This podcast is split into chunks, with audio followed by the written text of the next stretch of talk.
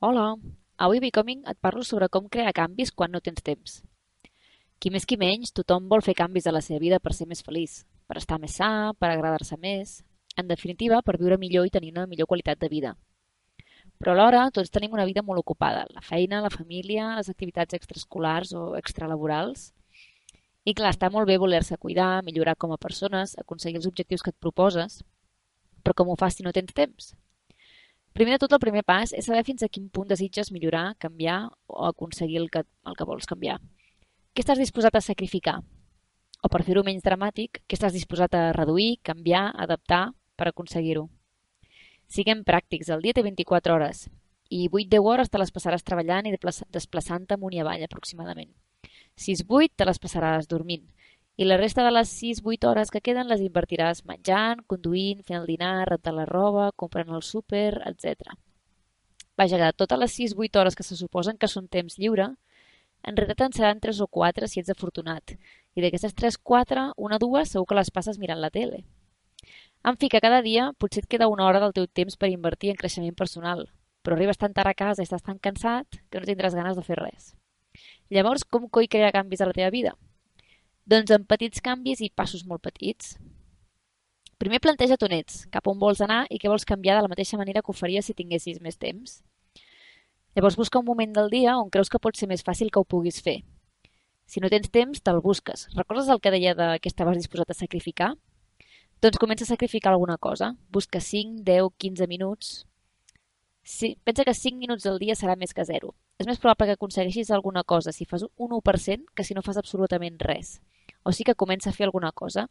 Jo, per exemple, vaig sacrificar hores de televisió als vespres i hora de son al matí, al matí per trobar una hora per fer esport. Voler és poder.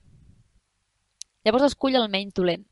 Tots volem menjar millor, per exemple. 5 peces de fruita al dia i verdura verdura, cuinar el que comprem, productes ecològics, etc. Però la realitat és que no sempre podem fer el que ens agradaria. O potser requereix un sacrifici massa gran per aconseguir-ho amb la vida que tenim muntada. Però ens hi podem acostar, per exemple, si el que vols és deixar de menjar xocolata però a les 7 de la tarda s'activa el monstre de la xocolata i no tens autocontrol per evitar-ho, escull l'opció menys dolenta. Per exemple, comprar xocolata negra de més del 70%, o comprar un aliment més saludable que també porti xocolata, o intentar menjar plàtan i sucar-lo amb xocolata negra. És, la qüestió és buscar alguna alternativa menys nociva i que quan en tinguis ganes de menjar la xocolata o en menjaràs menys perquè et saciarà abans o no en menjaràs perquè directament no és el que vols i no et ve de gust. I com que no en tens a casa, no en menjaràs. I això intenta-ho aplicar-ho amb tot. No pots anar a córrer una hora? Doncs prova de fer 30 minuts d'exercici a casa. Que tampoc pots? Doncs fes-ne 10. O ni que sigui 5 minuts, el que deia abans, 5 minuts de saltar corda o un minut de planxa és molt millor que no fer res. O sigui que fes el que puguis, però fes alguna cosa. És molt important ser benèvol també amb un mateix. Si no ho fas avui, ho faràs demà, no passa res, però compte, que això tampoc no sigui una excusa per no fer-ho. Si avui no ho aconsegueixes, no passa res. No et culpis, no et jutgis, no t'ataquis. Ho faràs demà i ho tornaràs a intentar. Com si no hagués passat res amb les mateixes ganes. Cada dia és un nou inici. Pren-te'l amb la mateixa il·lusió. Si no ho vas aconseguir, no passa res. Avui ho tornes a provar. No et castiguis, no defalleixis, tu pots. Prova-ho.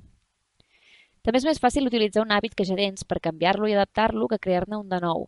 Si, per exemple, tens l'hàbit de prendre cafè cada dia de bon matí, prova de canviar el cafè per un te, o després per un suc de fruites. O, per exemple, si ja prens un suc de taronja cada matí, prova de prendre una peça de fruita sencera en lloc del suc, ja que així prens menys sucre i és més sa. I no perdis l'esperança, cada cop estaràs una mica més a prop d'on vols arribar, i quan agafes el ritme d'anar fent petits canvis, t'aniràs habituant i cada cop et costarà menys fer-ne. Et prendràs més temps per fer el que et proposes, ho aniràs fent sense haver-te d'esforçar gaire, tot anirà fluint mica en mica. Potser així et sembla que no faràs gaires canvis, ni gaire grans.